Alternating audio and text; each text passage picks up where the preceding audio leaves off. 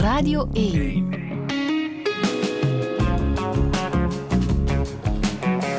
Douche. Met Friede Lesage. En met Hans Klaus, goedemorgen. Goedemorgen, Friedel. Hoe gaat het? Redelijk, hè? Redelijk? Ja, we moeten altijd voorzichtig blijven, hè? Ja. Ja. ja. Je bent eh, directeur van de gevangenis in Oudenaarde, die trouwens 100 jaar bestaat. Maar behalve dat ben je ook kunstenaar, hè? beeldhouwer, schilder, fotograaf en dichter.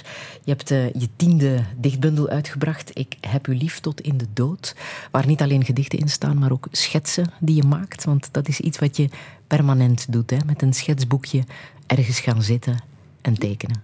Ja, dat is eh, ja, mijn eh, guilty pleasure. ja. ja. ja. Maar het is een bijzondere combinatie, hè? gevangenisdirecteur zijn en ook zo'n grote liefde hebben voor de kunsten. ja, op het eerste zicht lijkt dat uh, net tegenstrijdig. Hè? Ehm, voor mij is dat, dat natuurlijk niet, omdat ik eigenlijk in, in eerste instantie...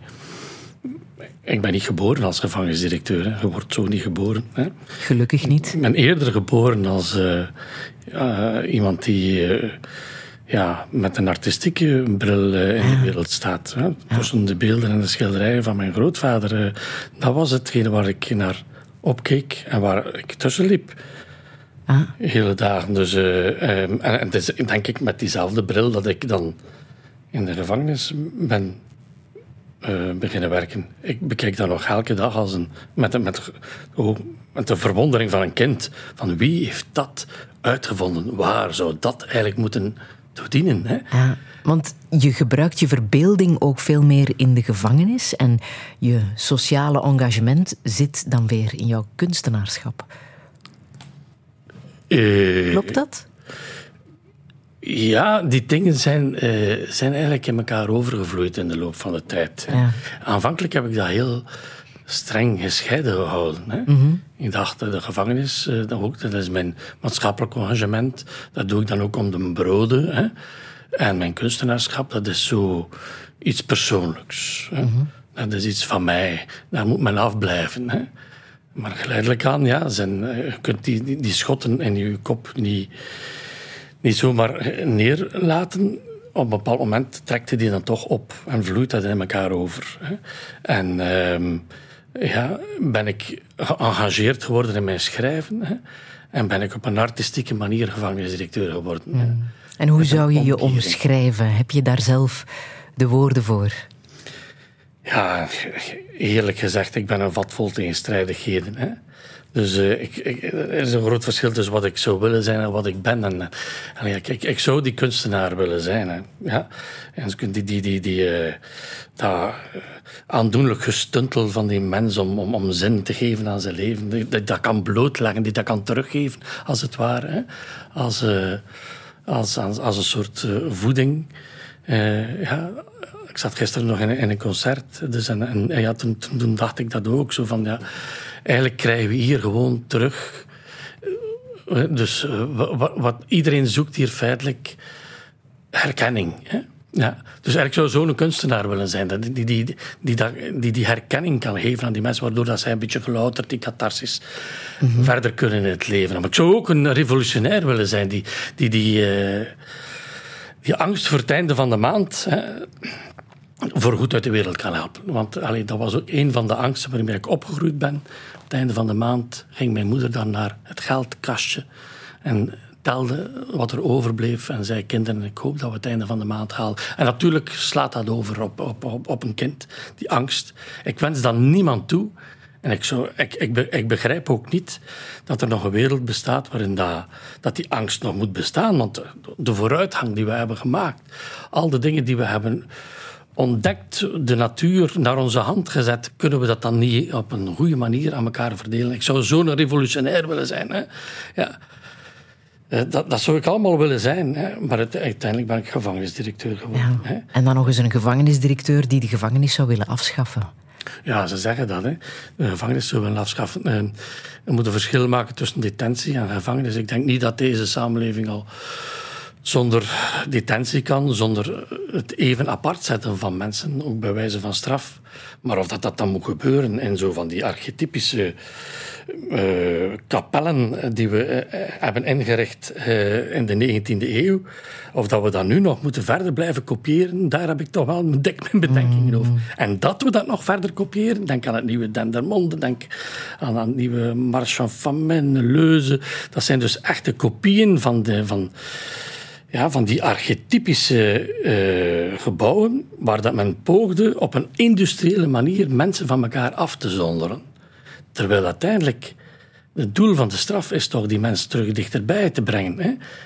Mm. Is, is, is terug de ontmoeting. Eh, dat kan enkel via de ontmoeting. En, maar heel dat gebouw toont eigenlijk dat we, uh, dat we die ontmoeting niet willen. Hè? Toont feitelijk dat we die, die mens uit de weg gaan, dat we hem wegsteken, dat we hem wegduwen bijna. Hè? Dat we hem ook niet vertrouwen. Een deur van, van, van, van 25 centimeter staal hè, tussen die mens en, en de ander die ervoor loopt. Dat is toch een duidelijk signaal hè, van het feit dat we hem niet vertrouwen. En we mogen daar nog zoveel woorden voor creëren, voor, voor, voor uitvinden. Om te zeggen, wij betrouwen u welkom eens op gesprek die deur gaat weer dicht s'avonds. Mm -hmm. En een teken en, en is altijd meer dan, dan woorden. Hè. En omwille van die kritiek word jij zowel geprezen als verguisd. Ook alweer zo'n contradictie. Zit dat een beetje in de familie? Want Hugo Claus was ook zo. Hè? En die heet ook Klaus. Ja, de rebel. Hè. Ja. ja het, het, is jammer dat we nog altijd moeten vastgepind worden op zo van die bekende figuren. En zo werkt de menselijke soort altijd maar. Hè. Dus, ja. Hè, altijd maar ja, ik word daar ook heel mijn leven al op, op vastgepind. Hè. En dat was de rebel, hè, de familie. Let op, ik ben niet, ik ben niet grootgebracht in de slipstream van Hugo Claus. Eerder in het tegendeel. Hè. Ik ben grootgebracht voornamelijk door mijn moeder. Hè. Uh, en mijn moeder was geen Klaus dus, hè, dat was een Collardijn. Hè. En um, voor, haar, voor haar was die Klaus een, een, een, een overspelige vispeuk eigenlijk. Hè. Dus uh, die stond op de index van de, van de katholieke kerk zelfs, hè, met zijn boek. Die mochten thuis niet binnen, die boeken. En op welke dus, manier was dat familie? Uh, nou, mijn vader was de Klaus. Hè. En mijn vader, zijn vader Of ik had, had zo zeggen, mijn vader en, en, en de vader van Hugo Claus hè, waren twee, twee neven. En die woonden uh, toevallig alle twee in Kortrijk. Dus de vader van Hugo Claus, Jozef Claus, die heb ik dus wel... Joseph Claus, sorry. die heb ik dus wel goed gekend. Hè. Die kwam er helemaal ja. bij ons binnen. Maar uh, Hugo Claus, dat was iemand die zich van de familie had afgesplitst, als het ware. Die werd door de familie uitgespogen. Hè. Uh, ja, dat was zeker geen voorbeeld, verre van. Maar in zekere zin zou je kunnen zeggen, het is een familietrekje. Door de een word je geprezen en door de ander word je uitgejouwd. Ja, het is een dubbele standaarden ook. Maar het is interessant, het is meer hè? dan dat. Dus, Want daar kom je ergens mee. Ja, weet je, spanning is energie. Hè? Ja. ja. Hans Klaus, welkom in Touché.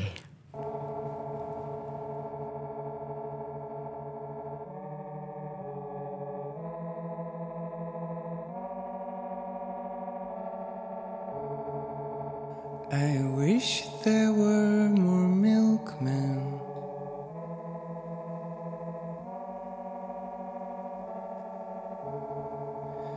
I wish there were more milkmen.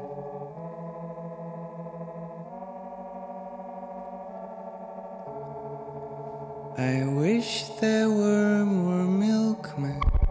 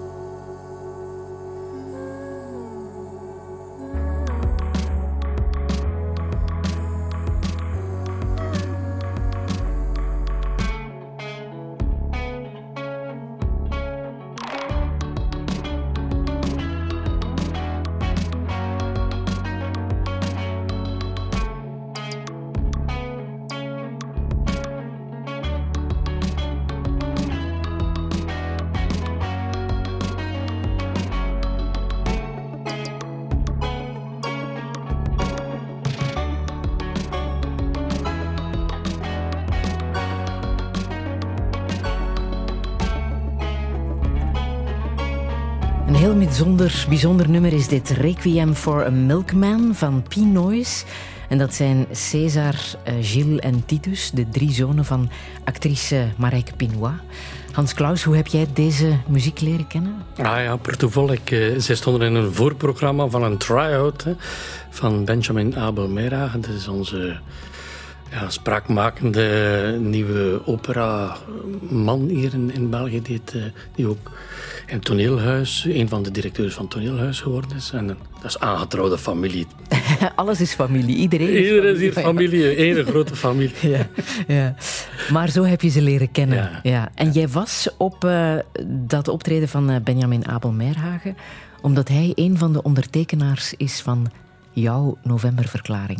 Ah, inderdaad. Ja? Benjamin Klopt, heeft het hè? ondertekend samen met ondertussen 400 anderen zeker. Of, ik, weet, ik ben de tel ondertussen kwijt. hè. Dat is al heel wat. Ja, ja. Je bent daarmee gestart eind november 2019. Eigenlijk zijn we Stond geëindigd. dat op papier? Ja, heb je het op 2019. papier eh, gezet en was er de verklaring? Ja. Wat was de bedoeling van die verklaring?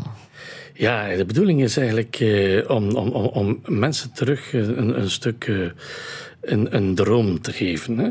Om terug een, schets te maken van een samenleving waar ze misschien wel nog willen in geloven. Want veel mensen vandaag zijn ontmoedigd. Eh, eh, er is een diep groot onbehagen. Zij beleven ook de ene crisis na de andere. En zij denken, eh, dit, dit gaat hier om zeep. En alles gebeurt boven ons hoofd. We hebben daar geen vat op. Wij voelen ons wegzinken. Maar onder het grootste onbehagen schuilt wellicht ook het, het grootste onvervulde verlangen. Hè. En uiteindelijk was de bedoeling van heel dat project om dat verlangen een keer weer poten en oren te geven. Om daar weer woorden te kunnen op plakken. Om daar vlaggen te kunnen over laten wapperen. Dus, eh, want dat is wat we nodig hebben. Als we verandering, de grootste verandering hebben plaats, eerst omdat men het oude grondig beu is, maar vooral omdat men hevig begint te verlangen in het nieuwe. En dat nieuwe moeten we nu geleidelijk aan terug uittekenen. Dat is die verklaring. Ja. En dat zijn zes krijtlijnen geworden. Misschien kunnen we ze even overlopen om het duidelijk te maken. Hè. Ehm, ze zeggen al heel veel op zich. De eerste is: de economie wordt terug ten dienste gesteld van mens en natuur. Wat bedoel je daarmee? Ja, nu is het zo dat de economie, dat is onze heilige koe. Hè. Iets wordt niet gedaan omdat het economisch niet rendabel is. Men bedoelt daarmee omdat het financieel niet rendabel is. Terwijl de belangrijkste dingen in het leven kosten geen cent. Hè. De aandacht die we kunnen hebben voor elkaar, bijvoorbeeld. De tijd die we over hebben voor elkaar. Hè.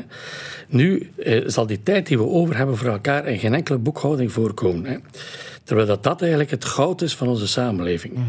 Dus eigenlijk moeten we een economie hebben die ten dienste staat terug van mens en samenleving. En, en, en mens en natuur ook, hè, waar we deel van uitmaken. Hè. Nu gebruiken we natuur en mens om het economisch radarwerk te laten draaien. En dat is eigenlijk een spookradarwerk. Eigenlijk zijn we ver van de realiteit gekomen. Terwijl ons in tegendeel altijd zeggen, kom eens met de voeten op de grond. Dit is financieel niet rendabel. Zijn we feitelijk bezig onze grond te verliezen. Hè? Een tweede krijtlijn. Domeinen van gemeenschappelijk belang worden uit de greep van de vrije markt gehouden of gehaald. En dan hebben we het over onderwijs, zorg, mobiliteit, cultuur, fiscaliteit, communicatie, energie, landbouw en justitie. Dat zijn domeinen waar winst niet mag nagestreefd worden. Ja, eh, maar we zitten nog altijd in een beweging die in de omgekeerde richting Ja, gaat. Hè? Dus eh, men, die eerste transitiehuizen zijn, zijn, er, eh, zijn uitbesteed en het is een, een commerciële groep die die, die die aanbesteding gewonnen heeft. Dat is toch iets heel eigenaardigs. Hè? Dus eigenlijk, die mensen hebben er baat bij dat er zoveel mogelijk gedetineerden zijn. Hè? En dat de braafste zo lang mogelijk blijven, want daar hebben ze het minst kosten aan. Klopt niet, hè? Dat begrijpt wel dat dat niet klopt. Ja. Hetzelfde met ziekenhuizen. Hè. Het klopt niet wanneer dat ziekenhuizen er belang bij hebben dat mensen zo lang mogelijk ziek zijn, bijvoorbeeld. Dus de gemeenschap moet dat terug opnemen in al zijn geledingen. Zorg, interdependentie, introspectie, beschouwing, humor, liefde en rechtvaardigheid worden boven materiële vooruitgang geplaatst. Ja, in het kort eigenlijk, spirituele waarden zijn belangrijker dan materiële waarden. Hè.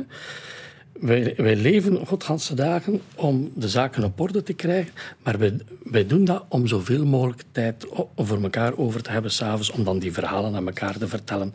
Eigenlijk zijn wij sociale betekenisgevers. Hè. Wij geven betekenis aan de dingen in de, in, in de relatie tot elkaar. Hè.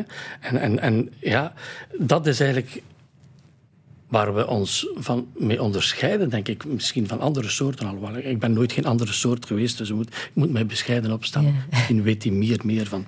Maar eh, ja, spirituele waarden zijn toch belangrijker dan de materiële. Ja. Dan moeten we ter- terug aan elkaar daarvoor vertellen. Er wordt bewustzijn gecreëerd voor de grenzen van de materiële en de virtuele groei. Daar zijn we al voor een stuk in opgeschoven natuurlijk. Sinds de Club van Rome weten we dat de materiële groei begrensd is. Dat we op een, op een eindige planeet leven en dat de grondstoffen niet onbeperkt zijn. Hè.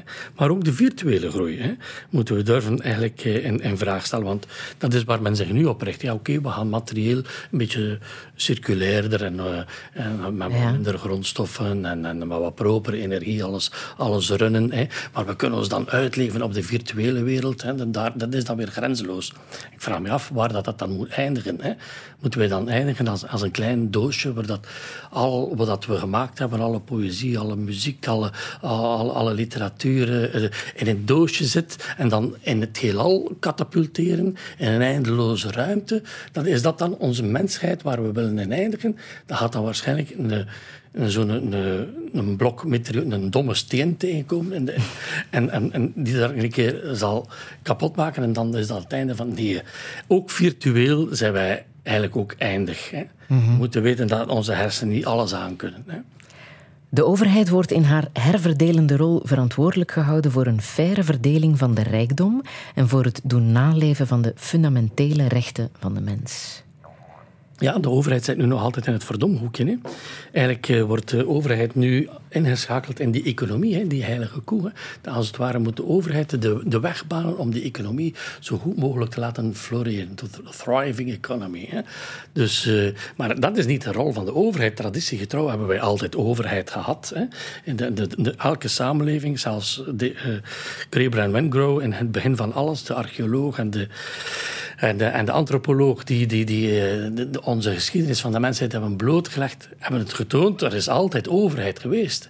Maar er is vooral een overheid geweest om ervoor te zorgen dat er genoeg gelijkheid bestaat onder de mensen. Genoeg. Ik heb niet gezegd dat alles gelijk moet zijn. Als artiest zou ik daar natuurlijk tegen zijn. Hè? Hè? Dus dan mocht men mij zeggen dat ik eh, dezelfde poëzie moest schrijven als mijn voorganger, zou ik natuurlijk rebelleren. Hè? Maar ik geloof erin dat er een samenleving kan zijn waar iedereen genoeg heeft, terwijl er toch vrijheid is om u, om u te uiten. Hè? Dus nu denken wij direct aan dat, als we het woord gelijkheid uitspreken, zeggen we, oh, dat is een communist, dat zijn communisten. En die zijn uiteindelijk allemaal eh, overgelopen eh, naar ons, omdat zij hun vrijheid niet meer hadden. Hè?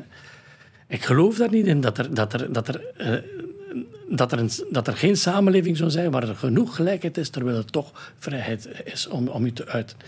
Ik denk dat we dat moeten durven blijven nastreven. Ja. Laatste krijtlijn. De emancipatie van de mensheid wordt bevorderd door begrippen als werk, productiviteit en vooruitgang te herdenken en te herdefiniëren. Dat is ook een belangrijke. Hè? Ja, ja, we leven zo gezegd in een, in, in een eh, samenleving die veel vooruitgang gemaakt heeft, bijvoorbeeld. Hè. Maar dat is zie- eerder achteruitgang. Ik denk het.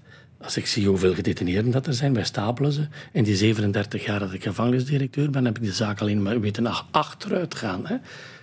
Dus ik kan dat, eh, kan dat eigenlijk niet, eh, niet aannemen dat wij feitelijk eh, nu beschaafder zouden zijn dan 40 jaar geleden. Als ik kijk naar de rusthuizen, hè, naar hoe dat die mensen daar behandeld worden. Hè. Hoe dat wij onze ouderen durven in, in, in hokjes opsluiten als in, als, als, als in een kippenlegbatterij. Ik, vind, ik ben beschaamd hè, om in zo'n samenleving te leven. Ik noem dat geen vooruitgang. Die vooruitgang moeten we echt terug herdefiniëren. Werk ook, hè. Zorgen voor uw kinderen, zorgen voor, voor uw ouderen. Hè. Het telt niet mee in het bruto binnenlands product. Wel, als je ouderen in een, in een ouderlingengesticht stelt, dan zal dat ouderlingengesticht meetellen bruto binnenlands product. En jij, omdat je gaat werken voor een ander, zal dat ook nog een keer meetellen in bruto binnenlands product. Ze zullen zeggen dat dat vooruitgang is. Kijk, het bruto binnenlands product groeit. Maar in wezen zijn we achteruit gegaan. We kunnen geen zorg meer dragen voor onze ouderen. Dat is u toch een van de belangrijkste symbolen van een beschaving. En we werken ook te veel.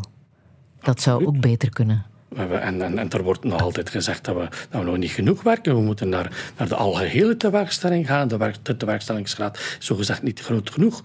Terwijl iedereen die naar de wereld kijkt en ziet hoe dat de mens met die wereld omgaat, ziet dat de mens de wereld kapot werkt. De oplossing ligt dus niet in meer werken, maar in minder werken. Zeker weten.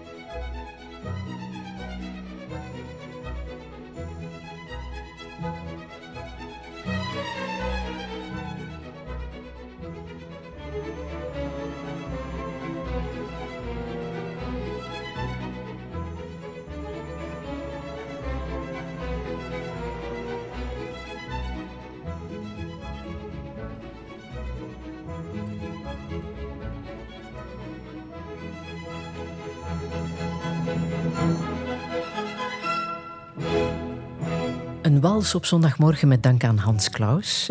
Alsjeblieft. ja.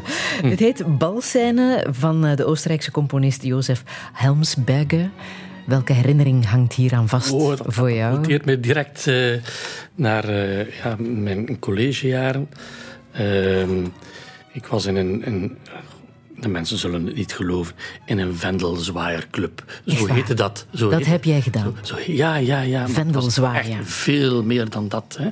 Het, dus, eh, het was eh, met de vendels en wimpels, maar wij, wij, wij dansten ook. Wij, wij maakten de, eh, onze eigen nummers, dus wij, onze, onze eigen choreografie. Wij waren onze eigen choreograaf. Hè.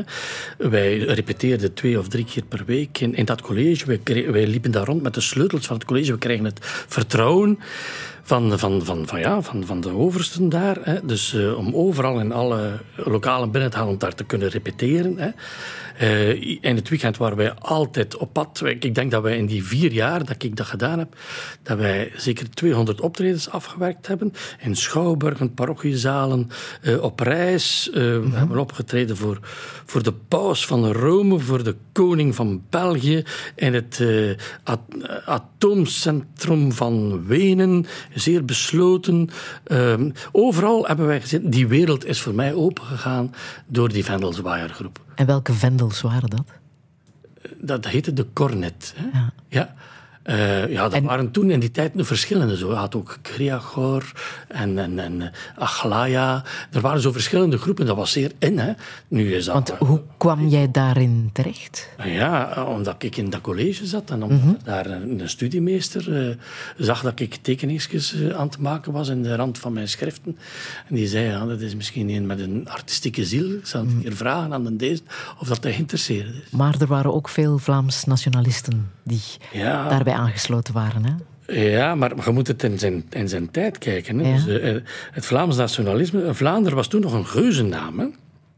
Hier komt de rebel terug. Hè. Dus eh, dat was nog een geuzennaam. Hè. Dat was nog geen staat. Hè. Dat was... eh, eh, dat was bevrijdingsnationalisme, eigenlijk. Hè. Dus eh, ik, ik, ik, ik eh, heb sympathie voor een volk die zich met ehm, een culturele identiteit wil ontvoogden uit zijn, en zijn, uit zijn armoede komen. Hè. Het is altijd hetzelfde hoor. Kies voor de underdog. In die tijd, dat was nog de naweeën, de nadagen van Vlaanderen als under, van arm Vlaanderen, underdog. Hè. Wij, wij waren de, als het ware de vendeldragers van, van, van die beweging. hè. Maar wat je zo net ook zei, je komt zelf uit een arm gezin, arm geworden door de Tweede Wereldoorlog. Daar zijn je ouders sociaal gedeclasseerd, zeg je. Ja, ja, ja. Die Wat is daar gebeurd? Hè. Ja, wat is daar gebeurd? Ja, wat is daar gebeurd? Hè? Dus eh, zoals zoveel mensen, denk ik, eh, die Vlaams gezind waren, hè, eh, hebben zij sympathie gehad voor de, voor, de, voor de Duitse bezetter. Dat is duidelijk geweest langs de twee kanten, zowel bij mijn vader als bij mijn moeder. En ik denk dat ze op die manier elkaar ook gevonden hebben. Hè. Ehm, ja, het zou misschien ook geen toeval geweest zijn dat mijn moeder mij een beetje gepusht heeft in die, in die vendelzwaaiergroep. Hè. Dat zou kunnen. Hè. Ja, ja. En Maar, ja, maar, maar, nation- maar nationalisme heeft wel zijn, zijn, zijn grenzen ook. Hè. Als je dan rijk geworden bent en welvarend, dan moet je natuurlijk mild zijn en open en, en, en, gastvrij en, en, en, en, mededeelzaam met je buren. Hè. Dan is het niet meer het moment om nationalist te zijn. Ik zweer dat dus 100% af op dit moment. Hè. Omdat wij gewoon een rijk en welvarend land geworden zijn. Dan, dan, dan hoef, je- hoef je u niet eh, hoef je geen, geen, geen standaard te, te zoeken om achterna te hollen die u verbindt om u te ontvoogden. Nou, je hoef je, eh, de, de, de Joden zijn, zijn ook uit, uit Egypte weggevlucht. eh, ja, nu, nu, pa- nu sympathiseren we toch eerder met de Palestijnen, denk ik. Hoe, hoe ehm, ver ging dat, die sympathie voor, voor de Duitsers bij, bij jouw ouders? Oh, ik denk dat dat op een cultureel niveau eh, allemaal gebleven is. Hè. Ja. Ja, men was daarin geïnteresseerd. eh, ja, en, en, en die waarden en die normen ook. Zo van, ja, dus, eh, de Franse chichi tegenover de Duitse grundigheid en zo van die dingen. Hè.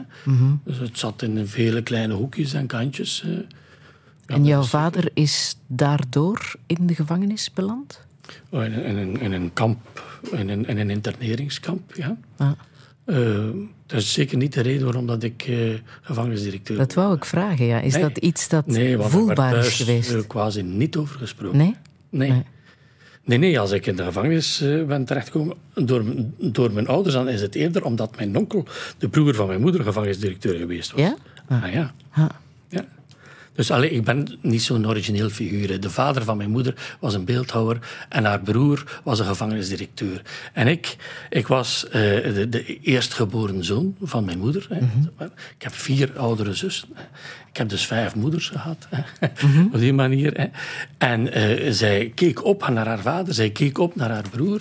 Mijn, mijn vader, dat was eerder een voedselvader, zo'n Jozef. Hè. Die, eh, die, eh, die werd niet als voorbeeld gehouden, omdat hij het zogezegd niet gemaakt had in het leven. Terwijl dat hij een heel sympathieke, sociale figuur was, die overal mensen kende. Dat heb ik zeker van hem. Hè.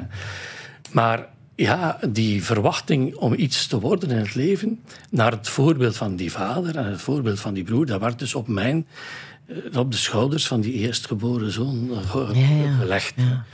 In zekere zin heb je dat wel opgevolgd. Hè? Heb, je dat wel, eh, heb je daar wel aan voldaan? Ik vertel dat dikwijls aan eh, mijn directeurs-generaal en zo, die, die mij verwijten dat ik een beetje eigenzinnig ben en mijn eigen gang ga. Ik zeg nee, ik ben eigenlijk een heel gevolgzaam kind. Hè. Ah ja, je hebt gedaan wat je moeder zo graag wou. Ik heb gewoon mijn moeder gehoorzaamd. Ja. Dat is mijn leven geworden. Ik heb misschien niet op die manier gedaan zoals zij dat eh, zo. Mocht mijn moeder nog geleefd hebben toen ik met het idee van de detentiehuis naar voren gekomen eh, ben, toen zou ze waarschijnlijk gezegd hebben: Doe dat niet, jong. hè. Doe dat niet. Ga heel de meute tegen u krijgen. Hè. Dus hè, eh, zit ik een beetje voorzichtig. Denk aan uw carrière. Hè. Ja. Maar mijn moeder was al gestorven op dat moment, dus kon ik vrij uitgaan. Hè. Ja. Heb Soms je gewacht? Ja? ja, heb jij gewacht tot ze gestorven was om Ik echt heb- vrij uit te kunnen gaan? Ik denk dat wel. Ja, achteraf gezien is dat zeker zo. Ja. En zo gaat het leven. Ja, het is ook iets wat ik bij veel gedetineerden zie. Hè? Die lang gestrafte gedetineerden, die, die eh, in, in, een, in, een- bepaald patroon zitten. En waar ze eigenlijk maar uitkomen als die moeder eh, sterft of afstand neemt. Hè. El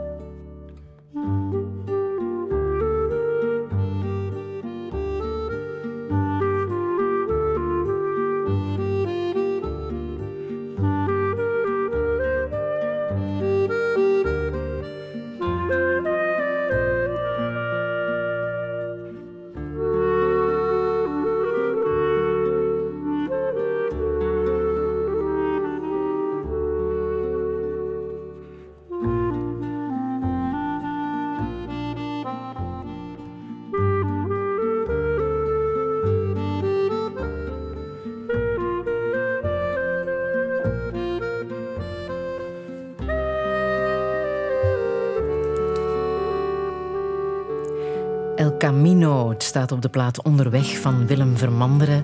Hans Klaus, heb jij ooit El Camino gewandeld naar Compostela? 300 meter, denk ik. Ongeveer. eh. En gedacht, de rest zal ik later wel eens doen. Nee, nee. maar je kent mensen die het wel hebben gedaan. Ja, ja, en een bijzondere mens eh, die het op een heel bijzondere manier gedaan heeft. Ja? En eh, eh, eigenlijk een ja, van mijn ja, geestelijke vaders bijna, zeker op penitentiair vlak, Willy Dervaux. Hè. Ik heb hem leren kennen als eh, kwartierchef. Dat zeggen mensen misschien. Hij was baas van een van die vleugels, van die hè, archetypische gevangenis. En hij stond op de vleugel B van de, van de nieuwe wandeling, de gevangenis van Gent, toen ik daar directeur was. Sorry. Hij stond op het einde van de vleugel B altijd met zijn rug tegen, tegen de chauffage. Ik denk dat hij een slechte rug had. Hij zag er ook niet echt eh, uit. Hij was altijd een beetje shovel gekleed en zo. Hij stond daar ook een hele dag niks te doen. Hè. Maar hij, observeerde. Hè. En, en, en toen de, de deuren om acht uur dicht gingen, toen ging hij bij één of twee of drie gedetineerden langs om eens te luisteren, om eens te vragen. "Tja, ik heb daar iets gezien, scheelt er iets? En die gedetineerden legden hun verhaal bij Willy. Hij luisterde daar een uur, twee uur naar. Hè. En ehm, eigenlijk, achteraf besef ik, hij stond daar niet gewoon aan die, aan die chauffage op het einde van die hang. Hij stond er als drager van al die verhalen van die gedetineerden. En als Willy daar was, dan wisten de gedetineerden, mijn verhaal is bij Willy, ik ben aanvaard, ik ben beluisterd. Is misschien niet altijd goedgekeurd, maar ik, iemand heeft dat opgeladen voor mij. Ik ben hier niet alleen met mijn verhaal. Hè. Die vleugel was de rustigste vleugel van de, van de nieuwe wal. En er kwam bijna nooit geen tuchtrapport uit. Hè. Daardoor, denk je? Absoluut daardoor. Ja. Ehm, ik heb hem toen meegenomen naar de opleiding voor beambten, omdat ik dat dan zo een, voorbeeld vond. Hè. En dan nadien ben ik met hem bevriend gebleven. Het was een bijzonder figuur. eh. Als hij 14 jaar was, is hij van thuis weggelopen. Is hij broeder geworden in West-Vleteren. Pas nadien heeft hij, is hij dan gevangenisbewaarder geworden. Hij is zijn kap overdag gesmeten in, in Leuven in mei 68. Hè. Eh, en, en, en, en, en hij is degene die de eerste vier of vijf tochten met jeugdige delinquenten gelopen heeft voor Oikoten. Dus, naar, naar, dus van Gent tot eh, vier maanden met twee, drie man.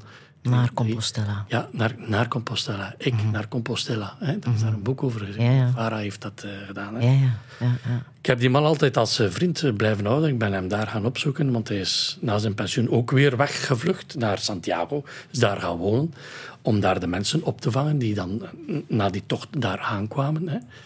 Ehm, en ik ben hem daar na zijn pensioen verschillende keren gaan opzoeken. Voor mij was dat een mentor. Hè. Die je nodig had, want je kwam vrij jong al als gevangenisdirecteur eh, in, eh, in zo'n gevangenis terecht. Hè. Je hebt eh, verschillende gevangenissen van binnen gezien, moet ik zeggen. Zowel Gent, Brugge, Sint-Gillis, sinds 2000 in Oudenaarde. Waar je even bent geëxcommuniceerd richting Dendermonde. Goed omdat je veel kritiek had geleverd op eh, de klassieke gevangenisstructuur. Ehm, dat werd gehoord en in het begin niet, eh, niet echt geapprecieerd. Eh, omdat je pleitte voor dat nieuwe gevangenisconcept. Hè. Kleinschaliger, maatschappelijker verankerd detentiehuizen. Waar je ook al concrete plannen voor had. Dat, dat zagen ze niet zo graag. Hè. Een gevangenisdirecteur die de gevangenissen wou afschaffen. Ja, dat, wordt altijd zo gezegd, hè, maar, maar eigenlijk eh, wil ik gewoon een betere detentie. Hè. Dus eh, ik- ben eigenlijk ook daar zeer trouw gebleven. Hè.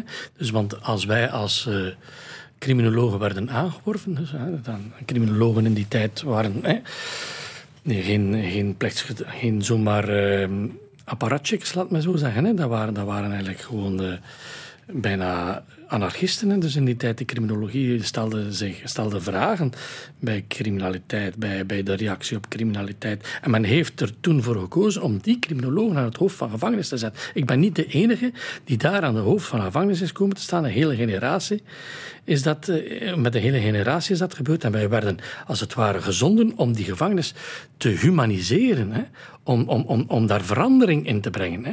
Ik heb daar verschillende pogingen ondernomen om activiteiten naar binnen te brengen. eh, om om, om de, de opleiding van de, van de beambten eh, te, te, te verbeteren. Hè? Dus, eh, ehm, maar uiteindelijk kwam ik tot het inzicht van ja, het is de structuur zelf die ons voortdurend eh, voor de voeten loopt, die ons eigenlijk belet van die gedetineerden te ontmoeten. Hè? Want dat zou toch de inhoud van die detentie moeten zijn. Als we iemand apart pakken, is het om die op te ontmoeten en om die te verleiden een andere weg in te slaan. Hè? Dat doe je niet door hem weg te stoppen achter een deur, dat doe je niet door ze op te stapelen. Hè? Dus eigenlijk de idee van die gevangenis met die, die eenzame opsluiting, die cel die je dan feitelijk op een industriële manier kunt vermenigvuldigen. Hè? Dat is een idee van de 19e eeuw. Hè. Dat is duidelijk een industrieel idee. Van de tijd nog van voor dat de psychologie als wetenschap bestond, dat de maatschappelijke werkers bestonden, bestonden nog niet. Al die inzichten zijn maar nadien gekomen. Nu weten we veel meer en veel beter wat we eigenlijk tijdens die ontmoeting met gedetineerden willen doen. Maar je moet er natuurlijk ook een context voor scheppen. Hè. Ja. En zo ben je begonnen met de VZW De Huizen, waar je detentiehuizen eh wou mee creëren. Dat zijn kleinere ehm, huizen waar een dertigtal eh, mensen terecht kunnen. Hoeveel zijn er ondertussen trouwens? Ja, wel, er is er één operationeel in Kortrijk. Hè. En er is één transitiehuis, eh, maar dat is ook een detentiehuis voor mensen op het einde van hun straf. Dat operationeel is in, eh, in Mechelen. Maar er staan er nog vijftien in de, in, de, in de stijgers, hoor. En nog Ja. een paar transitiehuizen ook. Het heeft een tijd geduurd, maar toch, de ministers van Justitie zijn toch stilaan in jouw idee meegegroeid. Hè? Dat, dat kan je wel zeggen. Dat, dat moet je toch trots maken? Of nog blij- niet helemaal? blij. trots is iets anders, want ik heb dat zeker niet alleen gedaan. Hè. ik, eh, het is zoals met, eh, met alle revoluties. Hè. Dat begint met een woord en dat woord wordt aan een ander verteld. Hè. Zoals Remco Kampert in zijn Ja. gedicht schrijft. Ik heb dat woord. Ik heb, ben opgestaan met die droom van dat dat mogelijk moet zijn, van in zo'n huis met gedetineerden te leven. Ik heb dat aan andere mensen verder verteld. En dan ben ik op diezelfde, ja, heb ik dat blijven ophameren, hè, op diezelfde nagel blijven kloppen. Als men, eh, als die, de politiekers die ik aanvankelijk benaderde, die, die, die zagen ook wel dat het gevangeniswezen, want de gevangenis zoals we ze nu kennen, bitter, goede resultaten, bitter weinig goede resultaten aflevert. Hè. Een recidivepercentage van tegen de 70% dat is niet, meer, niet om voor naar huis te schrijven. Hè. Wat is daar de grote oorzaak van, denk je? omdat we gewoon mensen niet ontmoeten. Hè? Omdat we ze afwijzen. En, en, dus eh, uiteindelijk is criminaliteit een soort vertrouwensbreuk. Hè? En, en de detentie, als ze enig, van enige nut wil zijn, moet het vertrouwen herstellen. Dat doe je dus niet door mensen af te wijzen. Hè? En hoe anders gebeurt dat dan in zo'n detentiehuis? Het is kleiner. Iedereen kent iedereen. Hè? Ehm, je kunt ook uh, differentiëren. Hè. Je kunt ook, uh, nu, nu loopt iedereen bij iedereen rond. Hè. Die voor de eerste keer, voor de zestiende keer, uh, oud, jong, drugverslaafd, mensen met, met financiële problemen, mensen met, met, met, met, persoonlijkheidsproblemen. Alles loopt door elkaar. Dat is natuurlijk ook niet echt aangewezen. Je wilt met elk van die mensen iets anders doen, maar je hebt er de ruimte niet voor. Want zo'n zo'n gevangenis neigt altijd naar uniformiteit. Elk verschil dat je daarin maakt, wordt om de vijf jaar weer afgevlakt. Wordt opgegeten door het grotere geheel. Dus je moet kleiner worden om te kunnen differentiëren. Maar je moet ook kleiner worden om de samenleving te betrekken op die detentie. Want een detentie staat niet op zich alleen. Hè. Dat zijn mensen die uit de samenleving komen en naar de samenleving teruggaan. Dus moet je ook tijdens die detentie die samenleving betrekken. We proberen dat nu echt met heel veel moeite in die gevangenis te doen. Hè. Maar iedere keer opnieuw is dat een gevecht tegen die gevangenis. Mhm. Tegen die gevangenisregels, tegen die zogenaamde veiligheidsvoorschriften en zo. Hè. Dus als je, die, als je dat kleiner maakt, kun je differentiëren. Hè. Kun je nog veilig werken voor degene waarvoor het veilig moet. En kan je contact maken met anderen. de buitenwereld? Want dat En is ook de bedoeling, toch? Hè? Eh, Het belangrijkste eigenlijk van, van heel die eh, paradigma-shift is eigenlijk dat de, dat de mensen, gewone mensen, de gedetineerden niet langer zien als een gevaar, maar als iemand die misdaan heeft en zijn straf uitzet en daar iets aan probeert te doen. Dat hij dus ook terug in zicht komt, die gedetineerde. En iets teruggeeft aan de maatschappij? En ondertussen iets teruggeeft, de herstelgedachte. Hè. Eh, kan je dus mee vormgeven. Dat zit dus mee, in, in, in, meegebakken in dat concept van het detentiehuis. Er zijn op dit moment meer dan 10.000 gevangenen in ons land. Hè. Hoe haalbaar is dat om iedereen uit de huidige gevangenissen te halen en over te brengen naar detentiehuizen? Dat zijn er ontzettend veel. Hè. Als, Dat zal zijn tijd als dat het eh, plan is, Dat zal zijn tijd nemen. tegen 2050 las ik. Is dat haalbaar? Ja, let op. Hè. Dingen kunnen soms rapper gaan. Dat je denkt, als men, eh, toen men mij vroeg van, denkt je dat dat ooit... Want ik heb hier nog in deze studio's gezeten op het moment dat we feitelijk naar voren kwamen met... eh, met, met, dat, met dat idee van het detentiehuis, toen werd ik gewoon uitgelachen, hè, door, ook door de reporters, hè, dus uh, uitgelachen. Hè. Dus maar kijk, we staan tien jaar verder en er zijn al eerste verwezenlijkingen. Hè. Ja. Ik heb altijd gezegd, als ik op een pensioen ga en er zijn al tien huizen, hè, dan, ben ik een, eh, dan zal ik een gelukkig mens zijn. Hè. Ja.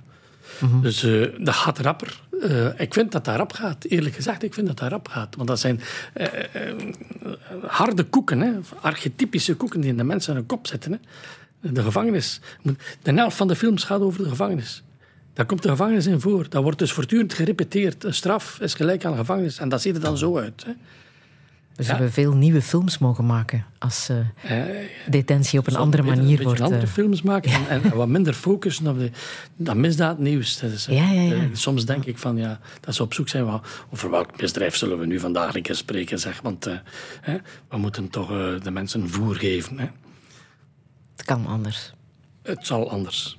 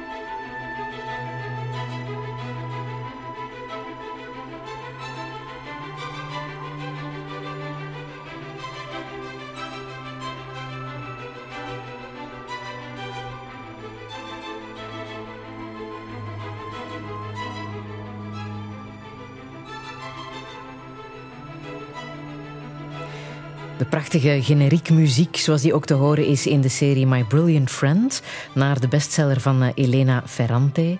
Hans Klaus, boek gelezen of serie gezien? Of allebei? Serie gezien, serie gezien en muziek geluisterd. Ja, mooie muziek. Prachtige muziek. Ja. En waarom heeft de serie zo, jou zo geraakt?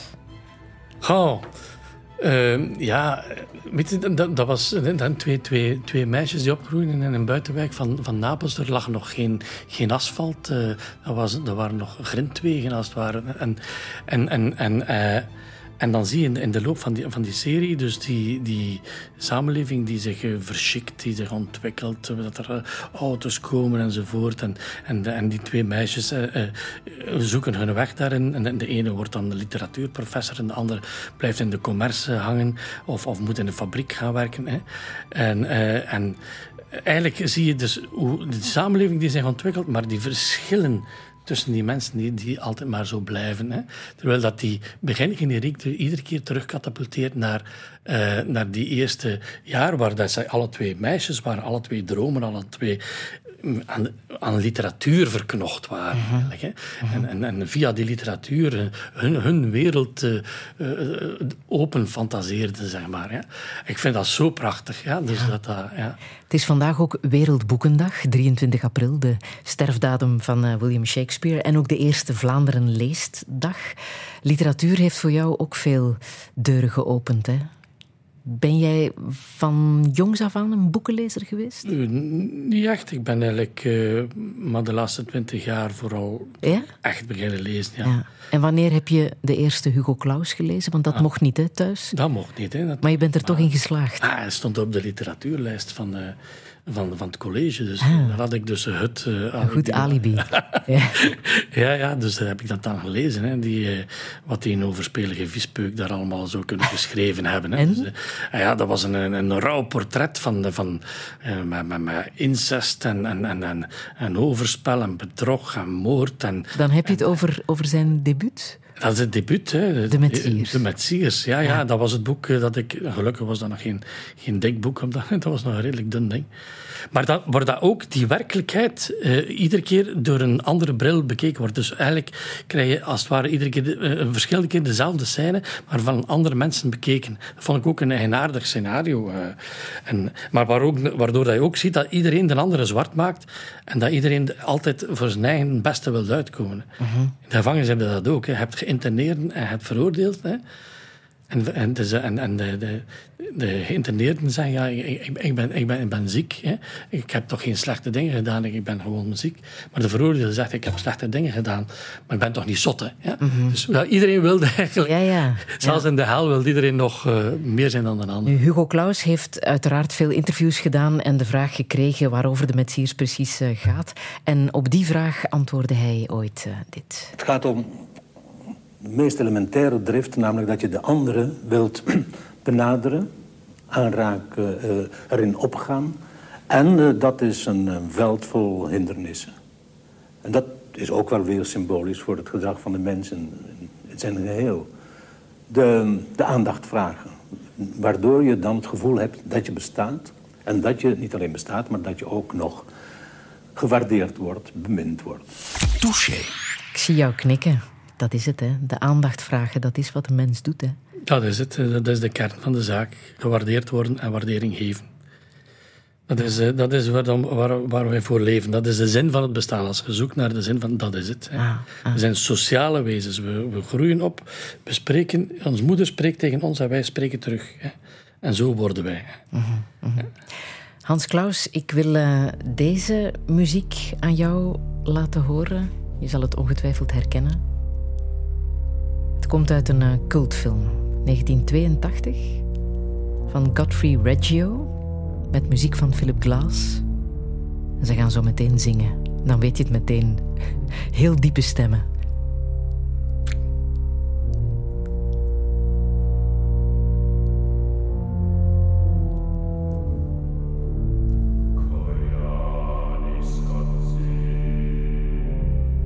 Nu weet je het, hè?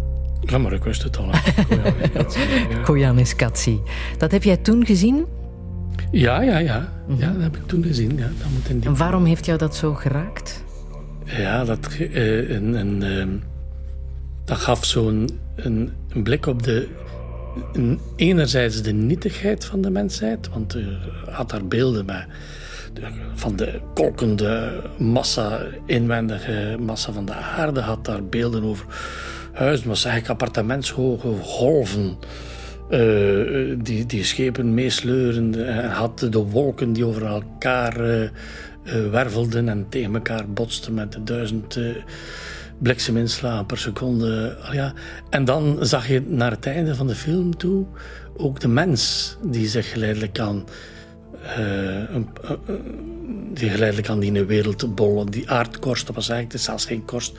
Het is die dampkring. Hè? Want we zijn allemaal partikels in een dampkring. Eigenlijk zijn wij gewoon de krabben en de vogels. Dat zijn de vissen eigenlijk. Hè? Dus het is een heel klein, dun pelletje. Zo, zo, zo dun als een velletje. Rond, een, rond een, een, blauwe bol. Die ergens tolt in het heelal. En we zijn daar een heel klein partikeltje in. Maar je ziet ook in die film, naar het einde van die film, hoeveel ampleur, hoeveel, hoeveel, hoe, hoe, erg dat wij om ons heen grijpen. Hoeveel Dan is die titel, die titel Koyaanisqatsi niet slecht gekozen. Hè? Dat is, uh, balans, hè? In uh, de taal van de hobby-Indianen, leven in gekte, onrust, desintegratie. Een manier van leven die vraagt om een andere manier van leven. Dat is toevallig ook jouw boodschap, hè? Dat is mijn boodschap. Radio 1. Met Friede Lesage. En met Hans Klaus, de gevangenisdirecteur die de gevangenis het liefst zou afschaffen. Terwijl hij binnen de gevangenismuren graag zijn verbeelding gebruikt, laat hij zich als kunstenaar inspireren door zijn sociaal engagement. Net als zijn achterneef Hugo Claus wordt hij zowel geprezen als verguisd. Maar hoe moet het verder? Kan zijn novemberverklaring onze maatschappij veranderen?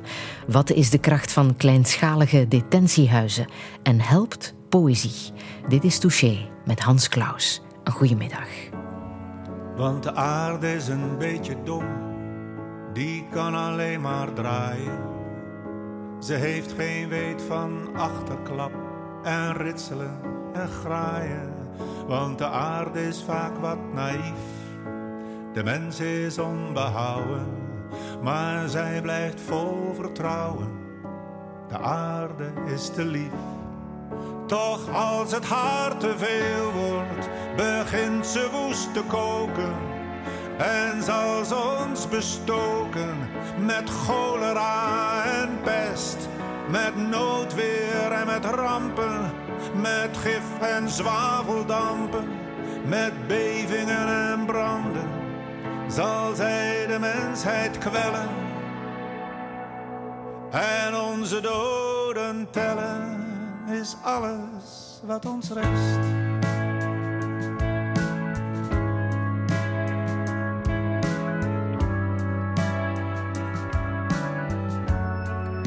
De aarde is de zachtheid zelf, terwijl ze verder dommelt. Ze heeft geen weet van politiek en religieus gerommel. De aarde is heel lief en zoet terwijl de mens zich mateloos uitleeft, geen eerbied en respect heeft. De aarde is te goed. Toch als het haar te veel wordt, bestraft ze onze gekte. Met hagel en insecten wordt onze oogst verpest. Met meer dan zeven plagen zal zij de mens belagen, want zonder mededogen zal zij haar oordeel vellen en onze doden tellen is alles wat ons rest. Maar als de eeuwen zijn vervlogen, miljarden jaren voorbij gegaan, dan zakt de laatste mens ter aarde als eenzaam monster zonder waarde. En blijft de aarde tot in eeuwigheid bestaan.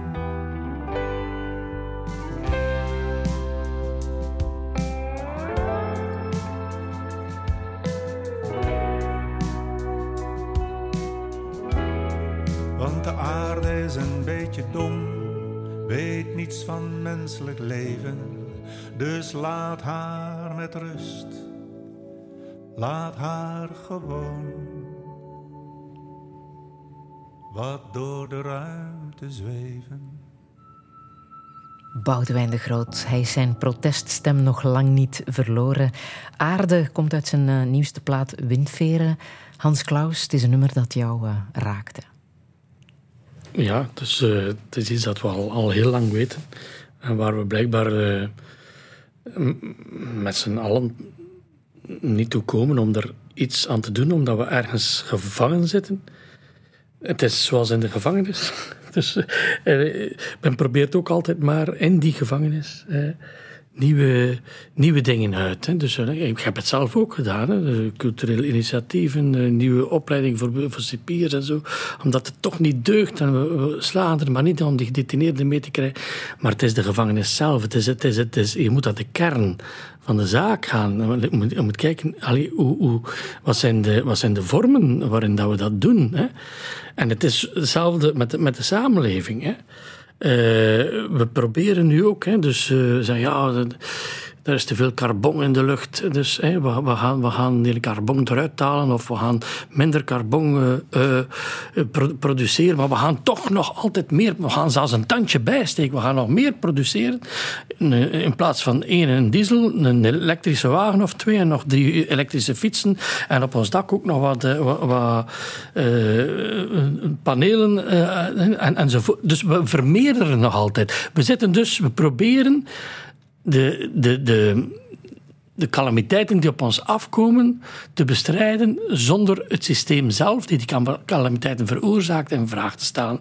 Dus het gaat, je moet dus om, om echt een verandering te krijgen, om echt te vertragen, om echt te rustig te worden, om de, de, de planeet telkens opnieuw te laten ademhalen, te recupereren na onze menselijke tussenkomst, moeten we dus eigenlijk naar de, naar de ruggengraat, naar het waardenstelsel van de samenleving kijken. Dat is waar die verklaring uh, ook uh, op, op doelt. En de mensen zeggen, ja, wat hadden we daar nu mee doen met die verklaring? Hè? Ze ligt daar nu. Maar ze wordt verder verteld. Hè? Mm is echt, ze wordt verder. Ze wordt, je kunt ze ook ondertekenen, ze, organisaties ondertekenen ze. Er wordt over gesproken, er worden lezingen over gegeven. Ik geloof ook dat dat de manier is waarop dat verandering te Ik heb die ervaring ook opgedaan op die manier. Met de huizen was het ook zo. Het begint met een idee. Het begint met, met, met, een, met een beeld dat je aan elkaar doorvertelt. Ja. En het is wat je zegt, hè? we moeten consuminderen in plaats van consumeren. En die symboliek kunnen we ook alweer doortrekken naar de gevangenissen, want die zitten overvol en daar wordt de voorbije weken alweer duchtig over gediscussieerd. Jij was de initiatiefnemer van die bewuste brandbrief die naar de justitieminister is eh, gestuurd, Vincent van Quickenborne, um, dat de toestand onhoudbaar is, zelfs um, dat de mensenrechten worden geschonden in, uh, in de gevangenissen. Zo erg is het op dit moment. Ja, helaas is dat uh, de situatie. En ik zeg dikwijls uh, dat ik tien jaar gewerkt heb voor de vooruitgang. Hè. Dus ik ben begonnen in 86. Ik denk dat we toen nog echt met al die criminologen wilden vooruitgaan en wilden humaan en zinvol bezig zijn met gedetineerden. En ondertussen werk ik al, denk ik, uh, eh, 27 jaar tegen de achteruitgang. Um, ja, um, ik denk dat het ook eigen is aan een, een samenleving die zich uh, onbehagelijk voelt, de ene crisis na de andere. Waarschijnlijk zit die, die, die grenzen van die, van die groei zitten daar voor een stuk achter. We leven in een systeem dat gericht is op groei. Er zijn grenzen aan die groei. Dat maakt ons natuurlijk ongemakkelijk. Dat, dat, dat botst. Hè. Dus en, en in, in, in, in dat onbehagen hè, dat, we, dat we leven, proberen we ze het oude zo lang mogelijk in stand te houden. Hè. En dus het strafrecht, daar steekt een tandje bij. Hè. Dus uh, je ziet dat ook. Hè. Dus uh, als we overgegaan zijn van, van, van de lijfstraffen naar de gevangenisstraf, dat is ook een, een, een, een grote paradigma-shift die heeft plaatsgevonden toen dat we dus van de agrarische naar de industriële samenleving, of enfin, heel die idee, die verlichtingsperiode zaten, heeft men dus ook de omslag gemaakt hè, van, van het schavot, zeg maar, hè, naar de gevangenis. Wat toen ook als, als utopisch werd omschreven. Een gevangenis, ze, ze, zeggen zelfs geen haai, dat doet zelfs geen pijn. Hè. Maar men heeft die omslag gemaakt eh, om, omdat er de samenleving ook aan het kantelen was daaronder. Hè. Dus ik denk ook, de samenleving kantelt nu ook. Ze is op zoek naar nieuwe vormen. De verklaring is daar een, een, een, een, een aanzet toe, hè. Is, alleen een, poging toe. De, samenleving is, is, op zoek naar nieuwe vormen, maar natuurlijk zitten we in een zeer, onzekere tijd. Hè. En in die onzekere tijd probeert men dus het oude zo lang mogelijk te, uh, uh, vast te houden. Hè. En men gebruikt instrumenten die daarvoor zijn. In de, in de, tijd dat de eerste gevangenissen werden gebouwd, waren er veel meer mensen dan vroeger op het schavot gebracht. Hè. Dus ook nu gaan we naar nieuwe strafvormen. Dus eigenlijk is dat maar een puzzelstukje van een nieuwe samenleving. Die detentiehuis is maar een puzzelstukje van een nieuwe samenleving. Niet mhm. onbelangrijk, omdat het een symbolisch puzzelstukje is. Omdat het haakt aan, aan uh, waarden en normen, aan een mensbeeld en een maatschappijbeeld. Er hangt meer aan vast dan het, puzzelstukje al, alleen. Hè. Dus, uh, maar nu dat die detentiehuizen eraan komen zijn, er, hebben we toch een enorm, veel, een enorm hoog gebruik van die, van die gevangenis. Dat is eigenlijk paradoxaal. Hè? Ja, maar het is niet paradoxaal. Zo is het altijd gegaan. Hè? En is justitie te streng of te laks? Justitie is in elk geval altijd maar strenger en strenger geworden de laatste dertig jaar. Ik kan dat moeilijk anders zeggen. De mensen zitten langer, ze weten minder wanneer ze gaan vrijgaan, ze zitten met meer. Kunnen we nu zeggen dat, dat de justitie lakser Dat is nogthans het idee dat leeft bij de mensen. Justitie is laks. Ja, het tegendeel is waar natuurlijk. Voorrechten is die, waar die brandbrief over gaat, uh, toen ik in 86 begon, was dat gemiddeld 1 à 2 maanden een voorrechtenis. Nu is dat gemakkelijk 4, 5 maanden. Dus verdubbeld. Dus het aantal mensen in voor die nog niet veroordeeld zijn, hè, nota bene. Hè. Dat is 40 procent van de gevangenisbevolking. Dat, dat de 40 procent. zijn mensen die eigenlijk nog niet hun straf kennen. Absoluut, ja. Mm. Ja, en, en dat is het ook het, pijnlijke eraan. Want die, die mensen zitten dan, ja, uh, volgens onze standaarden, redelijk kort. Hè, dus vier, vijf maanden gemiddeld. Hè, sommige acht, negen maanden. Maar er gebeurt niks in die vier, vijf maanden. Hè. Mocht die mensen nu vier, vijf maanden moeten binnenzitten, maar in een aangepast kader, in een detentiekader, met eh, een detentiehuis, hè, met, met, met een plan, uh, met uitzicht op, op hoe dat we het hoe dat we die mensen zijn leven terug op de rails proberen te krijgen. Maar nee, het is voorrechter, dus er gebeurt niks. Men stapelt ze, en letterlijk. Hè. Dus in stapelbedden, in cellen die bedoeld zijn voor één persoon, waar men met drie personen zit. Hè. Ja, dat kunt je toch moeilijk beschaving noemen. Hè kunt echt dus daar kunnen we moeilijk anders dan, dan, dan ja, brandbrieven over schrijven, zoals mm dat dan getiteld heeft. Hè. Ja. Dus uh, ja, dat moeten wij, als ambtenaar moeten we dat doen. Hè. Ik denk dat we die, die morele plicht hebben om dat aan die samenleving te zeggen. Ik denk dat er nog meer dingen in het nieuws zijn die jou kwaad maken. Hè. Als we wapens leveren bijvoorbeeld oh ja. aan een oorlog. Wat doet dat met een gevangenisdirecteur? Ja, wel ja. Ja, dus gaat het conflict nooit oplossen met meer conflicten. Men heeft me dat altijd geleerd uh, van, het humaniora al. Dus uh, eigenlijk moet je altijd de-escaleren. Dus uh, je moet altijd het gesprek installeren. Als ik gedetineerden binnenkrijg die zware feiten gedaan het zal, het zal veel helpen, zeker door die, door die, door die mensen nog verder in, in de verdomhoek te steken. Zult, je zult dat nog kleiner maken dan dat hij al was. Mensen begaan feiten niet uit grootsheid, maar uit kleinheid. Hè. Of uit onmacht. Dus, en als je die onmachtsgevoelens nog vergroot. Ja, en op mondiaal vlak is dat hetzelfde natuurlijk. Als een, als een natie zich, zich, zich weert en plots wapens bovenal, zal het dan helpen met daar nog veel meer wapens tegenover te stellen. En dat zal escaleren natuurlijk, tot op een bepaald moment dat men zegt, ja, nu is het eigenlijk niet te doen. We gaan toch een keer moeten rond de tafel gaan zitten. Hè. Mhm. Dat is toch eigenlijk God geklaagd? Men zegt altijd, er is geen geld. Hè? Er is geen geld om, om pensioenen te betalen, er is geen geld voor de zorg, er is geen geld voor het onderwijs. Er is wel geld om, om wapens te leveren. Plots is er daar, als er een oorlog is, is er plots altijd geld. Maar geld is natuurlijk een fictie. Geld wordt, zeker in de dag van vandaag, het is een flikkering op het scherm. Dus uh, je duwt een paar keer op je, op, je toetsenbord en er is meer geld. Hè. Dus uh, geld is als het ware een soort energie hè, die men geeft om dingen te doen. Hè. Het is ook een schuld. Geld is een schuld. Iemand anders moet, moet u iets. Ik heb geld, dat wil zeggen dat ik met dat geld dingen kan laten doen. Dus eigenlijk creëer je altijd maar schuldenaren. En als de berg geld groeit, zijn er altijd maar meer en meer schuldenaren. Hè? En altijd maar meer en meer mensen die op die berg zitten. Hè? En om duur zit je dus eigenlijk in een feodaal stelsel terug. Hè? Waar, we, waar we eigenlijk wilden van afgeraken, dat is heel de revolutie geweest. Hè? De individuele vrijheid op kop, hè? met individuele vrijheidsberoving als staartje erachter. Hè? We, wilden uh, ja, dus, uh, de mensen bevrijden en op het einde komen we terug in slavernij. Want werken op straffen van armoede, wat tegenwoordig gebeurt. Hè. We doen mensen werken op straffen van armoede. Als de lonen te laag zijn, als de, lo als de loonkloof niet groot genoeg is tussen het loon en, en, en, en het, uh, het steuntrek en, en uw steun, gaan men de steun verlagen. Dat wil dus eigenlijk zeggen dat men zegt, jij gaat in armoede of je gaat werken. Mm -hmm. Daar is dan een naam voor. Hè. Dat heet slavernij. En daar zijn we terug in beland. Heel, helaas, ik moet dat... Dus in, in de plaats van de lonen omhoog te trekken. Ja. Ah ja, maar dan gaan we minder, werk, minder mensen kunnen doen werken. Dat is de bedoeling. Met zo weinig mogelijk mensen, zo weinig mogelijk werken om het zo goed mogelijk te hebben. Zoveel mogelijk tijd over te hebben op het einde van de dag. Om die betekenissen aan elkaar te geven. Hè, die we, waar we van gemaakt zijn. Dat is de bedoeling. Maar men schiet gewoon naast de roos. Aan de man die ochtends opstaat. Bij wie het leven als een natte dweil keihard in zijn gezicht slaat.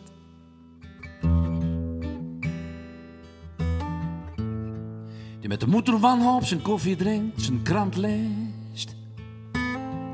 Zijn dikke hond uitlaat.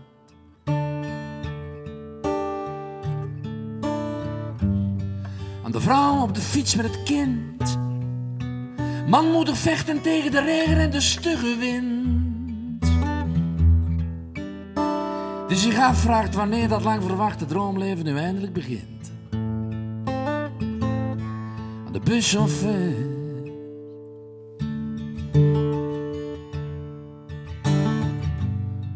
Aan de bakker op de hoek en zijn Thaise vrouw. Die zo mooi lacht en honderd uitpraat maar waarvan je met de beste wil der wereld geen woord verstaat.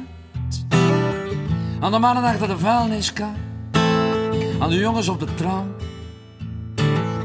aan de kerel op het dak met zijn thermos en zijn boterham. Aan die man, die moedige man, die man die weigerde te haten, ook al werd hem het grootste onrecht van de wereld aangedaan. Aan die dichter die moest zwijgen, die moest kruipen. Maar die zijn eigen hoofd stevast, pal rechtop bleef staan.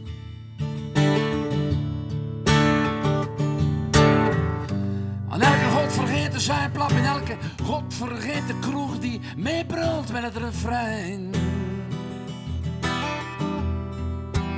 Aan de minister en zijn nachtrust. Aan de boer met kiespijn aan de mensen in de zaal, stuk voor stuk allemaal. Kom hier. Kom hier dat ik aan mijn borst druk.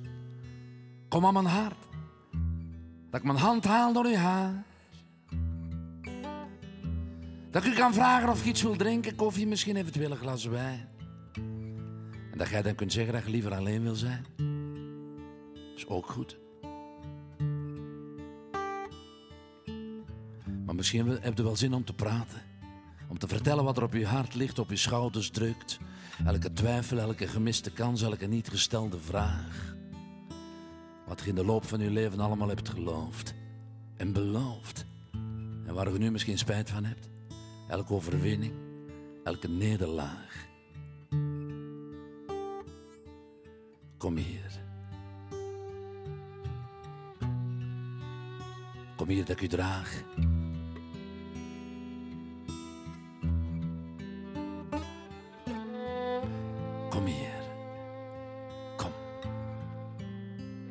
Ik u.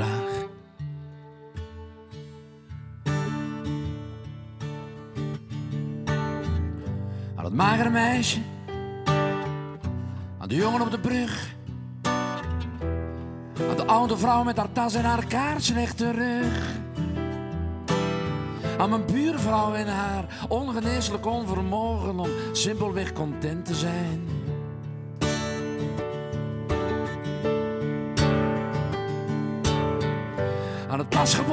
Eigenlijk alles al weet. Aan Marcel die er nooit echt bij hoorde. Gewoon omdat hij veel te veel zijn best deed. Aan Marie. Aan Lisa. Aan André. Aan jou.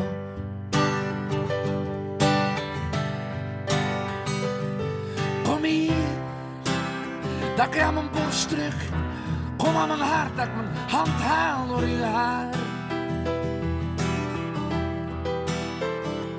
u kan vragen of je iets wil drinken, koffie, misschien eventueel een glazen wijn. En dat jij dan kunt zeggen dat je liever alleen wil zijn. Maar dat is even goed. Of dat jij aan mij vraagt of ik iets wil drinken. Want misschien heb ik wel zin om te praten, om te vertellen wat er op mijn hart ligt. Elke twijfel, elke gemiste kans, elke niet gestelde vraag. Wat ik in de loop van mijn leven allemaal heb geloofd. Oh man, man. En beloofd. En waar ik nu zo'n spijt van heb.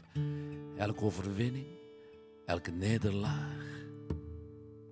Kom hier, zegt jij. Kom hier dat ik u draag.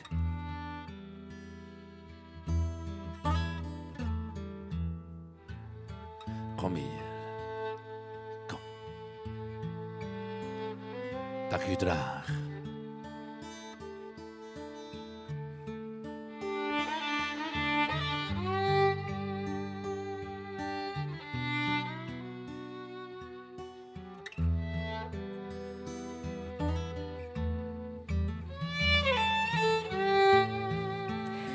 Prachtige nummer van Comme il faut, zoals ze het eh, hebben gezongen op eh, de Radio 1-sessie in 2017. Kom hier dat ik u draag. Hans Klaus, het is ook voor jou een bijzonder nummer. Hè? Vooral een bijzondere boodschap, denk ik. Kom hier dat ik u draag. Ja, het is ook wat ik van eh, Willy Dervaux als, geleerd heb. Hè. Dus een van zijn... Ja, ik vroeg hem eens... want ik heb een jaar of drie intens met hem samengewerkt om eh, in de pioniersdagen van die opleiding voor, voor cipierzaal, toen ik hem meegenomen had daarvoor. En ik vroeg hem, eh, wat kunnen we eigenlijk doen voor elkaar, Willy? Maar dat, dat was geen man van veel woorden en hij, hij, liep dan weg. En weglopen was zijn ding. En, en dan kwam hij drie weken later binnen in mijn bureau zonder eigenlijk te refereren naar die vraag. En hij zei, weet je wat, zegt hij, elkaar verdragen, zegt hij. En als het kan, als de sterren een beetje goed staan, zegt hij, elkaar een beetje verder dragen. Hè? Dat is eigenlijk het enige wat we kunnen doen voor elkaar. Hè? Dat zit hier ook in dat nummer. Hè? Dat is eigenlijk het enige wat we kunnen doen voor elkaar. Hè? Er zijn... Hè? Mensen willen voor altijd maar dingen doen hè? en oplossen. Hè? Maar eigenlijk, ja, wij worden geboren en wij gaan doodgaan. En dat, dat is het gegeven. En ondertussen ontmoeten wij elkaar. En we moeten er zijn op het moment dat het minder goed gaat. Want er is geen enkel leven dat alle dagen over rozen gaat. Hè? En in hoeverre helpen de kunsten om mensen eh, bij elkaar te brengen? Op is- verhaal te komen? Dat is het zout op de patatten. Hè? Ja? Eh, ja, dat is het zout op de patatten. Dus eh, er zijn veel patatten. De hele dagen moeten wij ja, van hot naar her ons nest bouwen en verbouwen. En, en, en, en, ja. Maar die betekenis geven aan elkaar, we, we zijn daar stuntelig in. We vinden daar heel dikwijls moeilijk de woorden voor. Maar af en toe hebben we zo'n poëtisch moment. Hè? En, en, en, in dat moment zit de eeuwigheid verscholen. Dan krabbelen we als het ware aan de rok van het universum. We voelen zo, we zijn, we zijn iets meer, we zijn misschien, we zijn heel nietig, maar misschien toch iets meer, want we beseffen dat we nietig zijn. Dat is dan ook al een ding, dat we het kunnen beseffen. En dat dan kunnen doorgeven in mooie, in woorden, in een rijm, hè, in, in een bepaalde vorm, een bepaalde compositie. Hè. Dus eh, ehm, met eh, eh, verhoudingen tussen volumes. Uiteindelijk, ja, dan komt de wiskunde op de proppen met de muziek, is dat zo. Ja? Dus, dan, dan, alleen, men zegt dat muziek wiskunde is. Ja, ik, ik, heb nooit, ik ben geen rekenwonder, dus ik kan het eigenlijk niet weten. Maar in de gevangenis van Oudenaarde bijvoorbeeld heeft eh, Matthias Schoenaerts tijdens de coronacrisis een eh, graffiti-kunstwerk gemaakt samen met een van de gevangenen. Hoe betekenisvol is dat? Ja, Het werk op die muur, ja maar ik, alleen te zien voor mensen die daar binnen zitten? Ik, ik, ik kreeg een vraag van, van Friede Lesage om naar Touché te komen. En, en, en, en, en, in die week die daar vooraf gaan, eh, passeert heel uw leven zo. Hè? Want ze zullen u daar ondervragen. De, de sofa van Freud staat op openbare omroep. Hè? Dat is nu zo. Eh, En, en, en, en toen dacht ik, wanneer heb ik eigenlijk mijn eerste tekening gemaakt? En mijn eerste tekening heb ik gemaakt toen mijn grootmoeder, de enige grootmoeder die ik gekend heb, ik was toen elf jaar, hè, gestorven is. En ze had zo'n een, een, een doodsprentje. En daar, daar stonden eh, biddende handen op. Dat is mijn eerste tekening die ik gemaakt heb, waren biddende handen. En het moet nu wel lukken, zeker, de Matthias Ja. Zonder dat hij mij dat voordien heeft gezegd. Daar, die bidden, diezelfde biddende hand, dat iconische biddende hand. Ja, ja, ja. Eh, eh, maar dan niet levensgroot, maar, eh, maar huizenhoog, hè, op een muur van, van een atelier gezet heeft. Met in de achtergrond de, de, de barsten die hij opgetekend, die hij gefotografeerd had in de Via Appia van, van Rome. Om, om te zeggen, eigenlijk, eh, op welke tijdslijn dat wij zitten. Hè, in, in, in welke nietige tijdsgevricht dat wij ons nu bevinden. En die handen zijn als het ware een teken van hoop. En die barsten, eh, eh, tus- eh, eh, tussen die barsten heeft hij dan eh sterrengefonkel geschilderd. Hè. Dus want als iets oud barst, zit het nieuwe, het grotere, misschien het mooiere, daarachter feitelijk al. En dan heb je die biddende handen, hè, die daar eigenlijk om vragen. Hè. Dat is een prachtig kunstwerk. Hè. ja, ja. Daar staat ook nog een vers van zijn, van, van zijn vader op. Hè. Aan de ingang van de gevangenis Juist. staat een vers van jou. Ja, ja. Vond je ook beter dan een of ander plakkaatje? Ja, Dat, ja. eh, goed, je weet, we leven zo in een tijd dat de overheid de, de privé moest nadoen. Hè. We moesten allemaal managers worden. Ik, ik werd zo geroepen naar, naar een, eh, een opleiding. Hè. En daar eh, samen andere zogenaamde managers. En, en, en plots stelde hij de vraag, wat is uw, wat is uw product, meneer Klaus? Product? Ik zeg, geen, geen product, eh, maak ik niks. Ja, nee, denk een keer diep na. Uw product, dat zijn detentiedagen. Ah, ik, zei, ik zal een gemakkelijke stil krijgen, want de dagen die gaan open en toe. ik zal niet veel meer moeten doen. en die wou van ons managers maken. En onze grote bazen in Brussel die moesten dan ook managementsplannen schrijven en strategische plannen schrijven. Missie en visie. Hoeveel, hoeveel sessies hebben wij onder leiding van, van, die, van die goeroes die daar heel veel geld voor vragen, hè, die moeten ondergaan om het verschil tussen een missie en een visie te leren. En, zo. en op een bepaald moment rolde het binnen. Hè. Wij moesten de missie en de visie van het gevangeniswezen hè, aan de voorpoort van de gevangenis uithangen. Maar dat is zo in een taal geschreven die niemand, zeker al zeker de bezoekers, die, die ik zelfs niet begrijp. Hè. Dus ja, dat, dat was zinloos van dat daaruit te hangen. Ik dacht, dat, dat, dat is eigenlijk nog, nog meer afstand scheppen dat je doet eigenlijk. Hè. Ja. Eh, En de, let op, hè, hetgeen dat er in die missie en die visie zat, de boodschap die was wel oké. en ik dacht, ik zal die boodschap op een andere manier brengen met een gedicht. Dat zit een beetje dichter bij de mensen. Hè. Dat, dat gaat gemakkelijker overspringen. Hè. Wil je het eens lezen? Want je hebt het bij, hè? Ik heb het bij.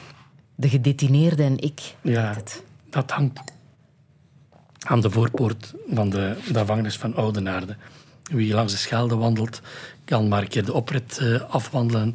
En daar, waar de, waar de bezoekers eh, moeten wachten om binnen te komen, onder de luifel, hè, hangt dat gedicht. De gedetineerde en ik. Elke dag ontmoeten wij elkaar. Jij die hier woont, ik die hier werk, aan de overzijde van een nabij of van een ver verleden, aan de zijlijn van het nu. Wij spelen onze rol met de wisselende overgave, in tastend ongemak. Jij aan de schaduwzijde van de deur en ik in het licht, maar telkens in dat ogenblik, voor de werkdag start, een groet die alle regels tart. Mooi. Normaal gezien woont de gevangenisdirecteur ook in het gebouw van de gevangenis. Hè? Jij niet. Dat is eh, ja, nu niemand niet meer, of zelden, misschien nog een stuk of twee, drie. Vroeger was dat inderdaad legio. Ik moest daar normaal gezien eh, ook wonen. Ik heb daar de, de, de mogelijkheid toe gehad. Ik denk niet dat men mij daar graag zou zien komen hebben. Ik kom daar dan toe met plaasterzakken en, eh, en, en, en slijpschijven. Want ik ben eigenlijk, of ben ik een beeldhouwer. Hè. Ja. En, de- Je hebt een atelier nodig. ja, ik heb een atelier nodig. Ja, ja ik heb dat echt nodig. Dus voor mij is dat eten en drinken. Hè. Ja? Als ik dat niet heb, mijn vrouw zal het mij zal, zal, zal dat beamen, eh, eh, dan, dan word ik ambetant. Als ik daar een aantal weken niet in gezeten heb, word ik echt ambetant. Hè. En wat gebeurt er in dat atelier? Wat voor magie hangt daar voor jou? Ja, dat, dat, dat is. eh, daar, daar ga ik het, het, het, het gevecht aan met de materie. Maar het gevecht, het gevecht met de materie, dat, dat, dat win je nooit. Eigenlijk. Dan kun je alleen maar een klein beetje bijbuigen. De nerven van een hout lopen zoals ze, zoals ze lopen. Je, kun- je kunt ze niet omkeren. Hè. Dus eh, ja, en, en, en ijzer, dat breken, breek je ook niet met je, met je handen. Je moet, Ja, je, moet heel veel compromissen maken. Dus eh, daar ondervind je dat je dus eigenlijk een heel beperkte bijdrage doet aan, aan je omgeving. Hè. Maar als het dan lukt om zelfs ja, in, in, in dat hardhout of van, die taaie materie dan toch een vorm te krijgen die, die, die, die aansluit bij je gemoedsgesteldheid op dat moment en later passeren dan ik, stel die, die, die, die, beelden dan rond mijn huis en, en, en in, in, waar ik woon en dus waar heel veel eh, wandelknooppunten samenkomen, komen er wat eh, eh, wandelaars langs. En, en die zien dan die beelden, die blijven dan staan. En dan, dat is voor mij dan toch wel... Ja, dat, dat is voor mij inderdaad dat zout op de patatten. En dan, dan slaat dat over. Ik zie dat die mensen er naar kijken. En dat er ergens een boodschap over... Via die, die verhouding tussen vormen, die keuze van materie, die... eh, ja, de, de, anders, we kunnen het niet onder woorden brengen eh, hoe dat we bij elkaar en, en wa- wat dat we voor elkaar kunnen betekenen. Maar we kunnen daar soms wel gedicht of, of, of een beeld eh, bij gebruiken, denk ik. Ja. Ik denk dat de mens dat altijd gedaan heeft, eh, van in de grotten van Lascaux tot, tot, tot nu. En het zal het, en de aard van het beestje zijn, denk ik. Ja. Een werk waar jij voor hebt gestaan, niet al te lang, zei je mij, maar toch, je hebt stilgestaan, was de ongelovige Thomas van Caravaggio. Ja, ja, ik denk dat ik daar lang voor gestaan heb. Toch wel? Gezegd, ja, ja, ja, ja. Ik weet zelfs niet of dat, of dat met mij is komen vragen om het museum te verlaten wegens sluitingsuur. dus eh, ja, dat is... eh, En waarom raakte het jou? Ach, zo'n prachtig werk. Ehm, die, ehm, dat contrast ook tussen die esthetiek. Hè, dus je ziet daar eigenlijk buigende figuren. En Thomas die dus zijn vinger in de wonden van, van, van Jezus steekt. En die zegt geen ai, die, die kijkt daar deemoedig naartoe. En die zegt als het ware, ach, zijn Thomas, geen ongelovige Thomas. Ik zie je toch graag. Ze.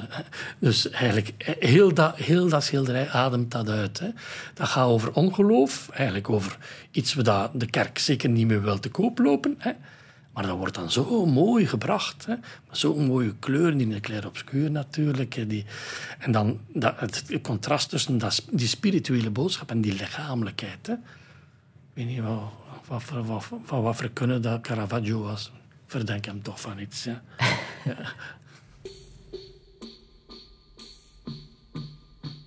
I've been crying for no reason, but the pain remains.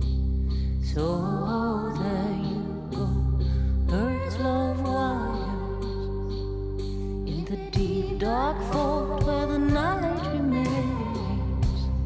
Oh, there you go, girls play Eliza. I've been pulling at the strings of departing days. So away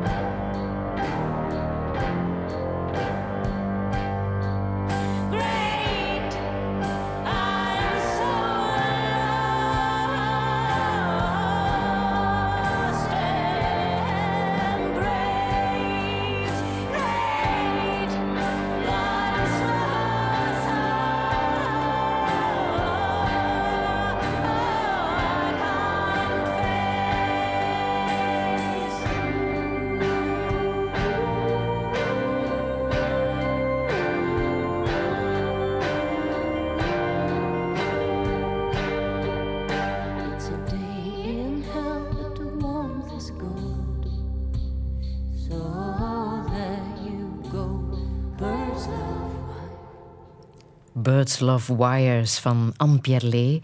Hans Klaus, het is een nummer met een eh, bijzondere betekenis voor jou. Hè? Ah ja. Eh, eh, de- ja.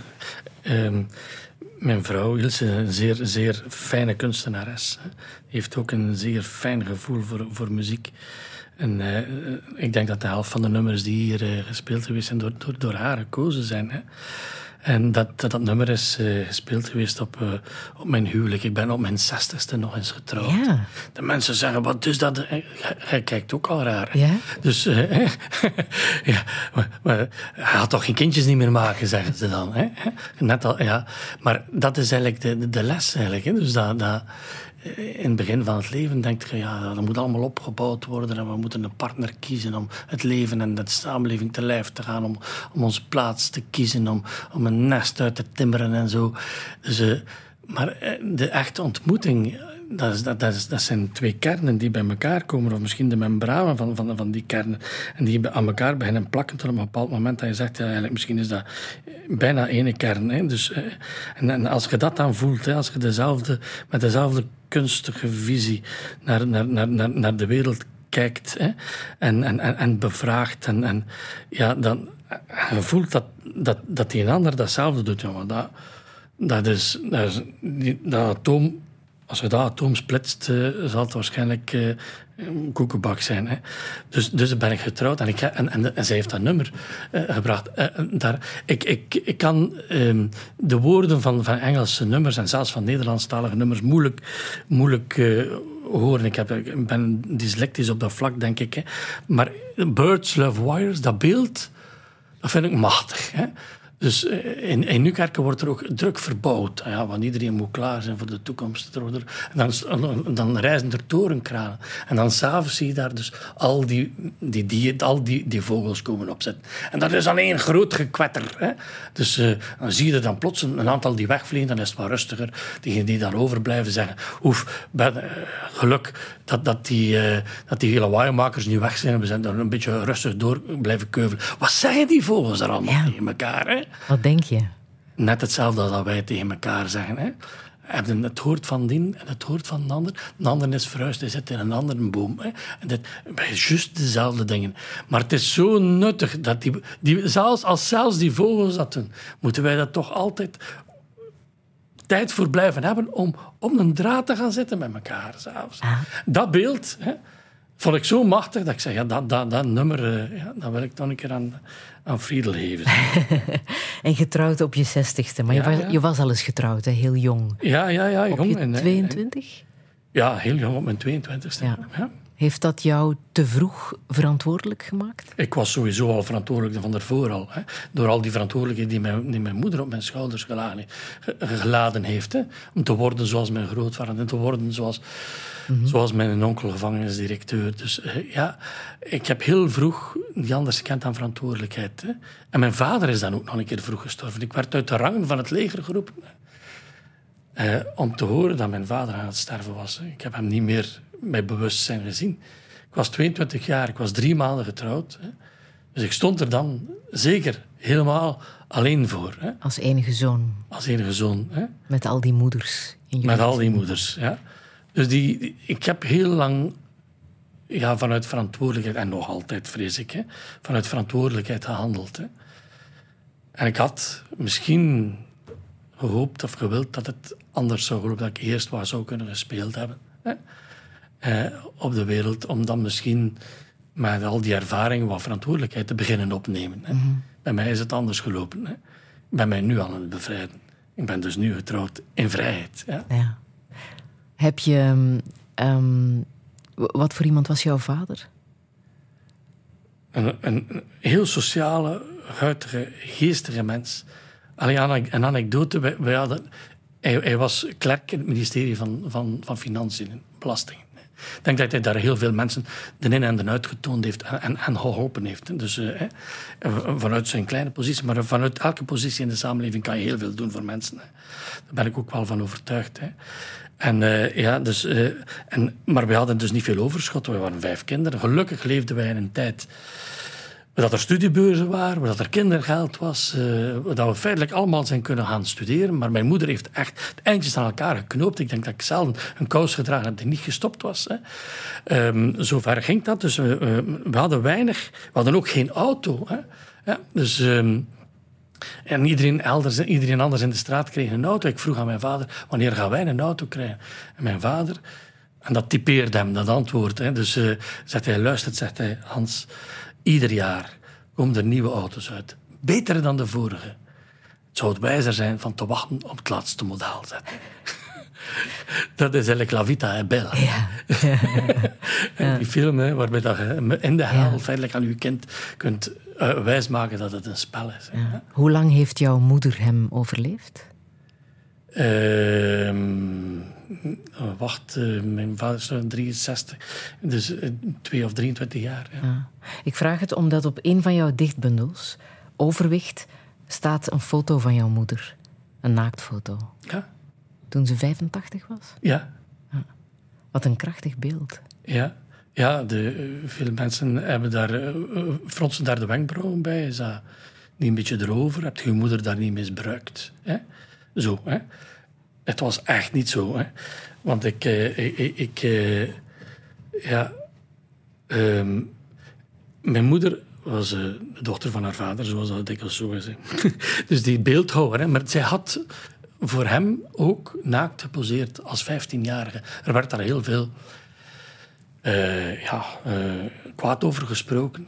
Hè? Dat gebeurde allemaal in Tichem, op Tichemberg. Hè? Dus dat er heel veel kunstenaars... Ja, ja. Stijn Streuvels zijn lijsternest ja, heeft. Ja, ja, was een vriend eigenlijk van mijn grootvader. Hè?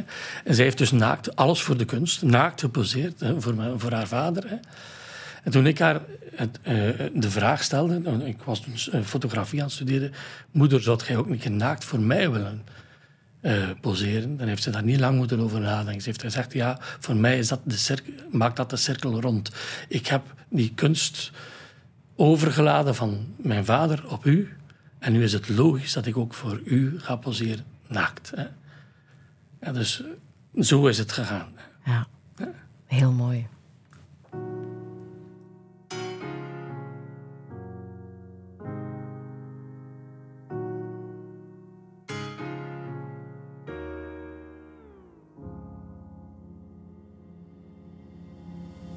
Dites-moi d'où il vient, enfin je saurai où je vais. Maman dit que lorsqu'on cherche bien, on finit toujours par trouver. Elle dit qu'il n'est jamais très loin, qu'il part très souvent travailler. Maman dit travailler c'est bien, bien mieux qu'être mal accompagné. Pas vrai? Où est ton papa? Dis-moi où est ton papa? Sans même devoir lui parler, il sait ce qui ne va pas. Ah sacré papa, dis-moi où es-tu caché? Ça doit faire au moins mille fois que j'ai compté mes doigts. Hey. Où t'es, papa, où t'es? Où t'es, papa, où t'es? Où t'es, papa, où t'es?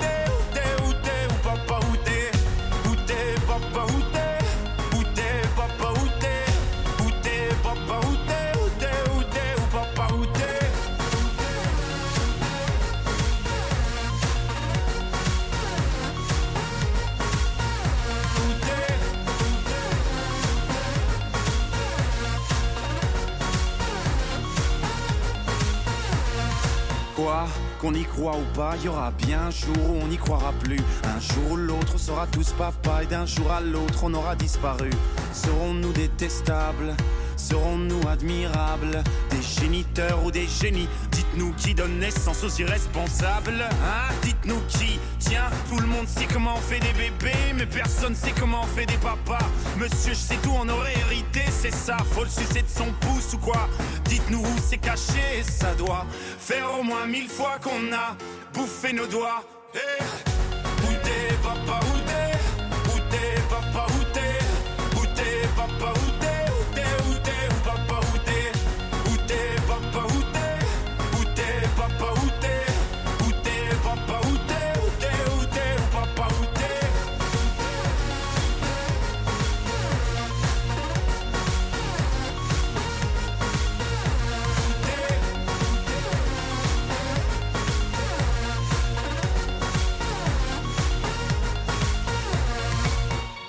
ton papa Dis-moi où est ton papa Sans même devoir lui parler, il sait ce qui ne va pas. Ah sacré papa, dis-moi où es-tu caché Ça doit faire au moins mille fois que j'ai compté mes doigts. Et où est ton papa Dis-moi où est ton papa Sans même devoir lui parler, il sait ce qui ne va pas. Papa Oute van Stromae, Hans Klaus. Het eh, voor hem een zeer betekenisnummer, nummer, want het gaat over zijn vader die omkwam tijdens de Rwandese genocide. Maar voor jou is het ook betekenisvol. Oh, ja, dus eh, ik, ik denk eerlijk gezegd door het feit dat ik zo mijn wereldse opdracht, hè, die mijn moeder mij op mijn schouders geladen heeft, heb willen volbrengen, dat ik toch te weinig aandacht gegeven heb voor, eh, voor mijn zonen, mijn twee, mijn twee zonen. Hè. Dus die het heel goed doen in het leven, die, die heel verschillend zijn dan ik. Die een sportleraar en de andere computerspecialist. Dus eh, als ik hen daarmee confronteer en ik zeg, zei jij eigenlijk wel mijn zonen? Dan antwoorden ze mij, we doen net het omgekeerde als uw vader. Dus... Ja. Wat zou je echt nog willen in het leven? Vooral veel tijd over hebben voor mijn vrienden, denk ik. Ja? Dat is er uh, een beetje bij ingeschoten. Voor mijn familie, voor mijn naasten. Ik zou van langs nog meer tijd voor hen over hebben. Dat zou ik echt wel willen doen. Ik zou die wereldse opdracht toch geleidelijk aan willen van mijn schouders laden. Hè. En een roman schrijven? Een roman schrijven, ja. Als je een klein beetje oefent in onthechting, hè, dan komt er misschien wel wat tijd en wat inspiratie over. Hè. Ja, zo goed als uh, Van de Woestijnen heeft gedaan met De Boer die oh, sterft. Oh ja, dat, uh, dat, zou, dat zou schoon zijn. Hè. Maar ja, goed, die competitie, dat moet er toch ook uit. Hè. Ja, het is waar. Maar het ligt hier wel open, hè. Omdat het voor jou een boek is dat uh, ja. Ja, iets raakt. Ja, ik, ik, vond dat een heel sterk stuk. Hè. De boer die sterft. Dus, uh, het gaat over een boer die, die, uh, die op het einde van zijn leven in zijn sterfbed ligt en, en, en die zich beklaagt. Zegt, ja, ik ben door God en iedereen verlaten. Ik ben maar een klein boerke geweest. Mijn kinderen zitten in Amerika. Uh, ik word bediend hier. Mijn vrouw is al jaren gestorven. Ik word hier bediend door een oude fix. Wat leg ik hier te doen, zeg. Hè. En dan wordt hij in zijn eilen bezocht door, door, door verschillende vrouwen die feitelijk allemaal zintuigen verzinnen beelden. Hè. Dus, en, en de eerste vrouw zegt, maar herinnert u dan niet, al die schone velden met die bloemen die je gezien hebt? Herinnert u de geur niet van het uh, vers gebraden kalf, zou uh, Wim de Kranen zeggen. Dus, al ja, dus herinnert u niet uh, de... de de, zachte pels van, van het, van het pasgeboren kalf, de, natte snoet en zo. En, en, en ja, dus geleidelijk aan wordt hij er eh, bewust doorgebracht, of krijgt hij het bewustzijn van, ja, ik heb toch mooie dingen meegemaakt in mijn leven. Hè. En de laatste die bij hem binnenkomt, de laatste vrouw die zich aandient, blijkt dan zijn vrouw te zijn. En, en die doet haar kleren af en die gaat naast het uh, bed zitten om een gebed samen met hem te zijn. Hij zegt, ah ja, nu weet ik, ik weet nog wat ik met u, wat ik u wil zeggen, zegt hij. Hè. En, en, en de laatste regel was, en hij deed zijn mond open, zijn zwarte mond, maar hij zei niets want hij was dood. We moeten het op het einde, we moeten toch ervoor zorgen dat we niet gelijk eh, eh, de boerenland zijn en het niet gezegd hebben. Op het einde van het leven, dat we de mensen rondom ons graag zien. Ja. Ik denk dat dat heel belangrijk is. Want we hebben een heel levende tijd. We kunnen vandaag beginnen als het nog niet is gebeurd. Ja, ja, ja dus we moeten niet wachten tot op het einde. Absoluut niet.